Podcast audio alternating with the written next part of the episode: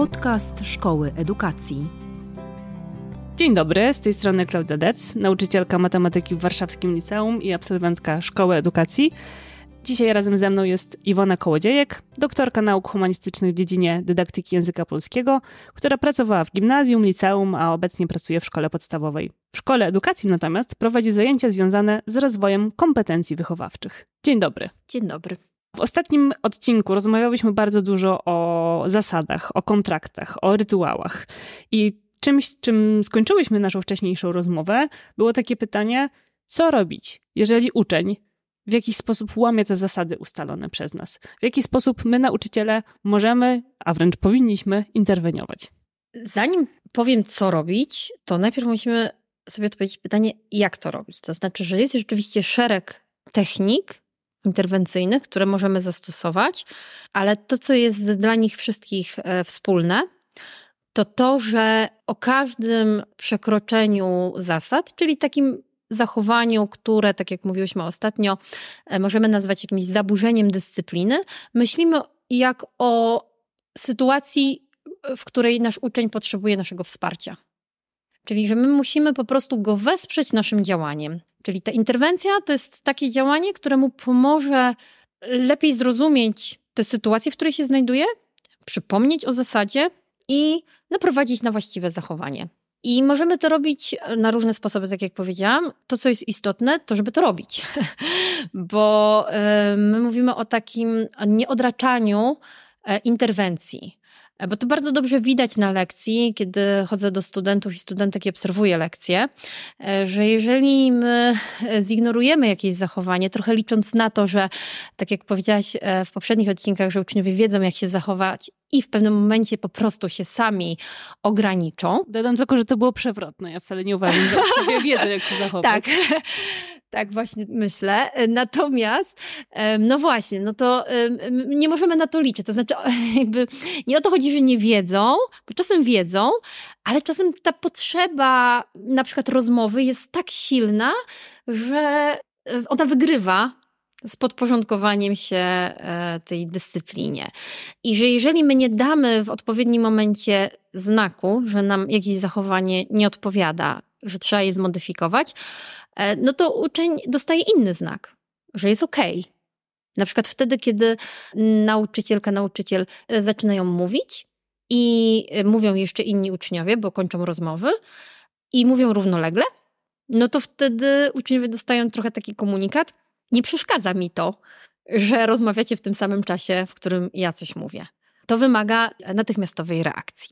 I ta reakcja powinna być, to też jest kolejna zasada, możliwie najbardziej dyskretna. Dlatego dyskretna, że nie chcemy angażować wszystkich uczniów w sytuację wsparcia pojedynczego ucznia, bo to nam zabiera czas, energię, to sprawia, że ten uczeń może się trochę poczuć zaatakowany, może chcieć wejść w pozycje obronne. Różne takie tutaj mechanizmy grupowe mogą się uruchomić. Też taka interwencja na forum myślę, że więcej nas emocjonalnie kosztuje bo właśnie musimy już coś takiego powiedzieć, coś mądrego, coś wyważonego, e, co sprawi, że dany uczeń zmieni swoje zachowanie. Czyli rozumiem, że ta reakcja powinna być w jakiś sposób adekwatna do tego, co się dzieje. Tak, to, to, to jest jeszcze coś innego, ale e, dobrze to pamiętasz z zajęć, że adekwatność polega, mm, czy tak ją tłumaczymy, że to jest taka proporcjonalna. To znaczy, że jeżeli, jeżeli uczeń robi coś malutkiego, to ja robię coś malutkiego. Jeżeli on robi coś większego, co zauważają inni uczniowie, no to ja muszę zrobić tro coś troszkę większego. Czasami e, nie jest łatwo dopasować e, naszą interwencję do zachowania ucznia, bo na przykład układ ławek e, jest niesprzyjający i ciężko nam jest podejść do ucznia, który znajduje się z tyłu. Jakiś uczeń może siedzieć tyłem do nas i nie widzieć nas, więc takie rzeczy też warto przemyśleć, związane właśnie z układem sali, jeżeli myślimy o tym, jakich interwencji potem chcemy używać. No i teraz już przechodzę do tych konkretnych interwencji. My to nazywamy pewnego rodzaju drabiną, że warto zaczynać od tych... Yy, najbardziej dyskretnych, najprostszych, które dają uczniowi y, możliwość skorygowania. To znaczy zakładamy, że on nie ma złej intencji, że on na przykład się zapomniał i rozmawia i my dajemy krótki komunikat, krótki sygnał e, i ten uczeń przypomina sobie, a przepraszam, nie, nie chcę się tak zachowywać. I potem dopiero wchodzimy po tej drabinie do góry Tylko, że to nie jest tak, że na dole jest dyskretny znak, a u góry jest krzyk, tylko raczej, że e, na dole jest właśnie ten dyskretny znak, a na górze są e, takie mm, środki, które e, odpowiadają danej sytuacji i, i, wymagają i od tego ucznia, i od nas większego zaangażowania. To proszę podaj kilka przykładów takich takich małych interwencji. Mhm. No to tak, na przykład, y, kiedy jeden uczeń referuje, inny uczeń e, rozmawia, czy uczennica rozmawiają w ławce i nie słuchają, mogę podejść i stuknąć palcami w blat. E, mogę się spojrzeć. I jeżeli spotka się nasz wzrok, to daje znać i uczeń powinien widzieć, rozpoznać. Mogę na przykład podejść do ucznia, dotknąć jego ramienia i jeżeli mam gdzieś e, w pobliżu zasady, to mogę wskazać zasadę. Mogę podejść i szeptem powiedzieć: Proszę cię, i tutaj dobrze jest powiedzieć pozytywnie. O co cię proszę? Na przykład mhm. proszę cię o ciszę, a nie proszę cię nie gadaj. Choć też nie trzeba być w tym bardzo ortodoksyjnym, to też chciałam zaznaczyć, że nie ma twardych dowodów naukowych na to, jak e, te komunikaty e, wypowiadać. Raczej oczywiście posługujemy się mówieniem o tym, jakich zachowań oczekujemy, ale bez przesady. Na przykład e, nie, nie gadamy, gdy ktoś inny mówi, tylko słuchamy siebie nawzajem. I to, to ma sens. W publikacji, która niebawem się ukaże, przywołujemy taką pracę dwójki badaczy, którzy przejrzeli materiały zamieszczone właśnie w takich e, publikacjach dotyczących classroom management, e, gdzie były szereg takich właśnie rekomendacji, czyli na przykład ile ma być tych zasad, jak one mają być sformułowane, jakie mają być konsekwencje, czy trzeba je ustalać z uczniami i tak dalej, i one były tam bardzo mocno dyrektywnie wyrażone, na przykład, że kontrakt koniecznie trzeba ustalać razem z uczniami. A potem, jak oni spojrzeli w badania, na które się powołują, to najczęściej były badania bez prób, albo w ogóle nie były badania, tylko okazywało się, że to są tylko dobre praktyki i że właściwie bardzo ciężko jest w taki uniwersalny sposób sformułować zasady interwencji, zasady wprowadzania kontraktu e, czy rytuałów. Raczej trzeba się kierować taką refleksyjną praktyką. Ja pamiętam ten przykład ze śliną. Widocznie to było jakimś palącym problemem w danej klasie, że uczniowie na siebie pluli i że było pozytywnie nie, nie pluj, tylko wstrzymaj ślinę w ustach. No, no to, to brzmi absurdalnie. Brzmi absurdalnie, więc, e, więc w tych interwencjach też dlatego o tym powiedziałam przy okazji interwencji, że interwencje są najtrudniejsze. No bo kontrakt możemy przemyśleć, sposób jego wprowadzania, zasady, sposób w jaki będziemy go e, otwierać, czyli wracać do niego i rozmawiać z uczniami w sytuacji jego nieprzestrzegania. Na to wszystko my się możemy przygotować. To samo z rytuałami. My możemy sobie wyobrazić, jakie będziemy wprowadzać. To są rzeczy pozytywne, więc też jest je łatwiej zrobić. Interwencje są trudniejsze, bo wymagają od nas reakcji, a nasze reakcje bywają nawykowe. Mówiłaś e, we wcześniejszych odcinkach o symulacjach. I nie wiem, czy akurat było tak, e, jak ty studiowałaś i brałaś udział w symulacjach, ale ja pamiętam takie symulacje, podczas których studenci na przykład w pewnym momencie, jak klasa robiła się naprawdę niegrzeczna, klasa tych uczniów, czyli studentów podgrywających uczniów, e, robiła się bardzo niegrzeczna i w pewnym momencie student na przykład mówił albo studentka, bo zaraz pójdziesz do dyrektora i mówił, Boże, czemu ja to powiedziałem? W ogóle przecież nie chciałem czegoś takiego mhm. powiedzieć. To są takie rzeczy, które są w nas bardzo silnie nawykowo zapisane, ponieważ słuchaliśmy tego typu komunikatów często przez 12 lat. I one też wynikają po prostu z naszego własnego doświadczenia no edukacyjnego. No pewnie. I jak ja po prostu czasem przyglądam się swoim komunikatom, ja się na, naprawdę tym zajmuję, o tym nieustannie myślę, piszę o tym, e, pracuję ze studentami, pracuję z uczniami i po prostu to, ile ciągle mam takich po 15 latach pracy, ile mam ciągle takich nawykowych komunikatów, jest niesamowite. Jak trudno to jest. I dlatego powiedziałam, że tutaj nie trzeba się aż tak bardzo przejmować, znaczy trzeba kontrolować i pracować nad tymi komunikatami, ale też trzeba być dla siebie, zwłaszcza gdy jest się na początku drogi, łagodnym bo raczej chodzi o to, żeby próbować i szukać dla siebie tych najlepszych interwencji, w których się czujemy dobrze, bo ten wachlarz jest szeroki. Coś, co słyszę w Twojej wypowiedzi, to budowanie na własnych zasobach nauczycielskich. Tak, tak, tak. Tak, na przykład, y, no, mówiłaś o tym wymienianiu interwencji, no to jedną z interwencji jest humor. On, on nie jest tym samym, co ironia. I ironizowanie jest jakąś formą komunikacyjnej przemocy i to nie jest dobra interwencja. Natomiast już reakcja z humorem, z żartem, jak najbardziej. No tylko teraz trudno jest to komuś narzucić. To znaczy, jeden jest bardziej zabawny, inny mniej. No i też nasze poczucie humoru jest kontekstowe. Czasami łatwiej nam jest z czegoś zażartować, a czasami trudniej. Czasami ten żart jest w ogóle nietrafiony. Więc no tutaj trzeba troszkę wyczuć, co mi pasuje.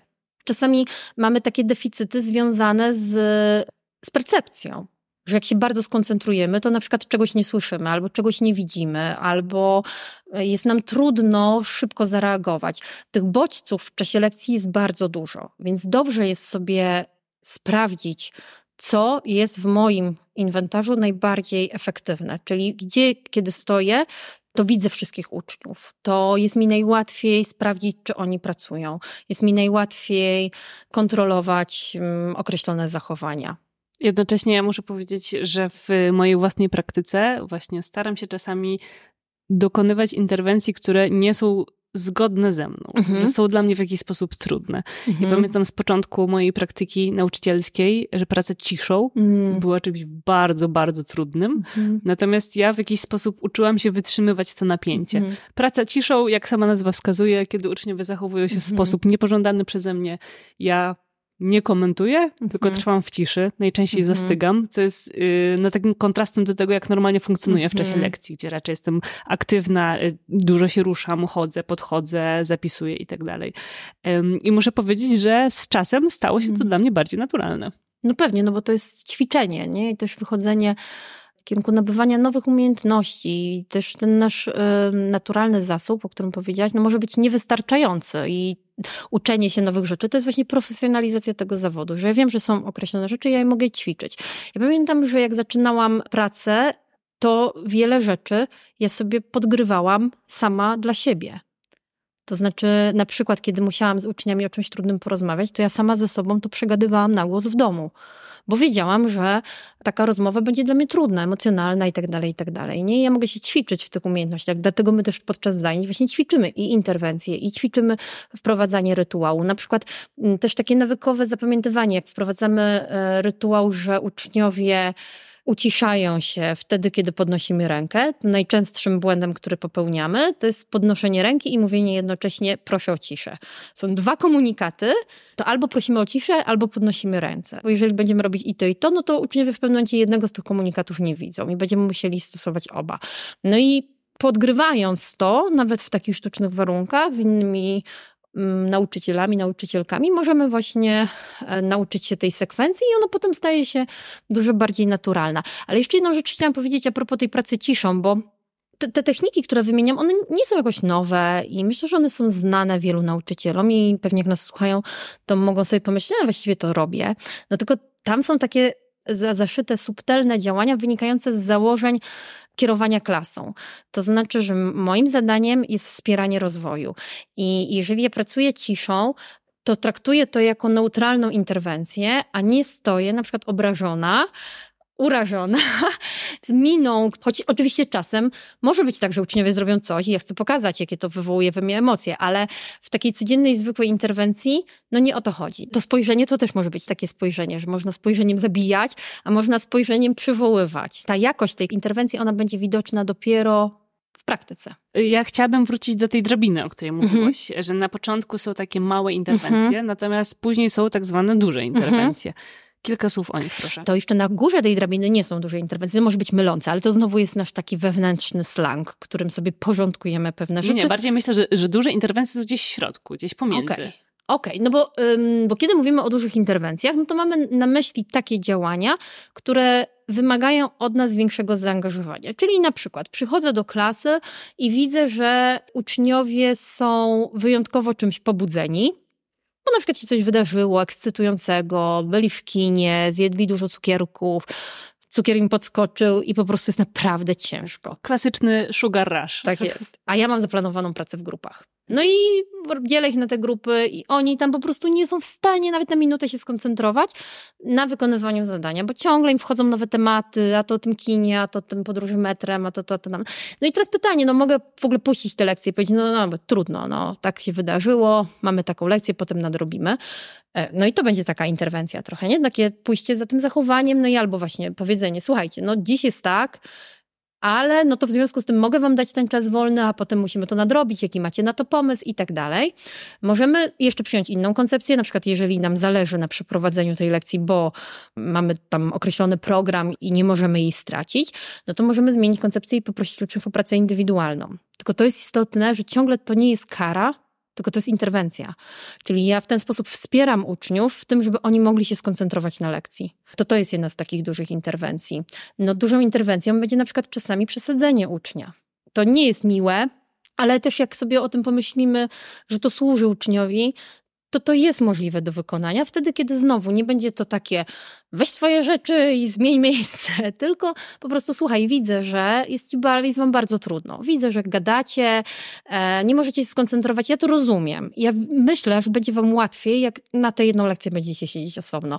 I teraz jeszcze jeden taki trik, wybierz sobie miejsce, może być tu lub tu no wtedy jest większe prawdopodobieństwo, że ktoś rzeczywiście wykona to polecenie. Tak, czyli dajemy uczniowi y, poczucie sprawczości. Tak. Natomiast odnośnie tego przesadzania, to pamiętam y, taką sytuację z mojej własnej lekcji, kiedy kilkukrotnie upominałam właśnie ucznia, żeby nie rozmawiał, bo mhm. y, no, miał taki dzień, że bardzo dużo rozmawiał i on sam zapytał, czy może się no przesiąść. Właśnie, to jest I to, to. I przesiadł się do pierwszej ławki. Ale to jest ekstra przykład, bo to pokazuje, że tak zastosowane interwencje właśnie rozwijają umiejętności społeczne i emocjonalne, bo ten uczeń rozumiał, że jest tak pobudzony, albo jest w takiej sytuacji, albo po prostu coś sprawia, że mu będzie samemu lepiej, jeżeli będzie pracował osobno. I to jest taka wiedza, którą my zyskujemy o sobie, ta samoświadomość, która jest jedną właśnie z kluczowych kompetencji wymienianych w różnych publikacjach dotyczących właśnie rozwoju kompetencji społecznych, emocjonalnych.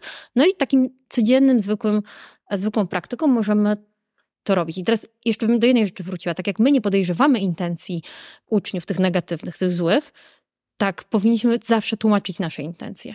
I pokazywać, że właśnie to, co robimy, ma charakter wspierający, żeby to się uczniom nie przyklejało w to miejsce kary, takiej władzy nauczycielskiej, którą ja okazuję i właściwie nie wiadomo dlaczego, że uczeń nie rozumie mojego zachowania i okej, okay, nawet się mu podporządkuje, ale następnym razem nie wpadnie na ten pomysł że to mu może służyć i że on sam może zdecydować o tym, żeby taką interwencję wobec siebie zastosować. A skoro ją zastosował, to znaczy, że zrozumiał, że ty byłaś dla niego w tej sytuacji wspierająca.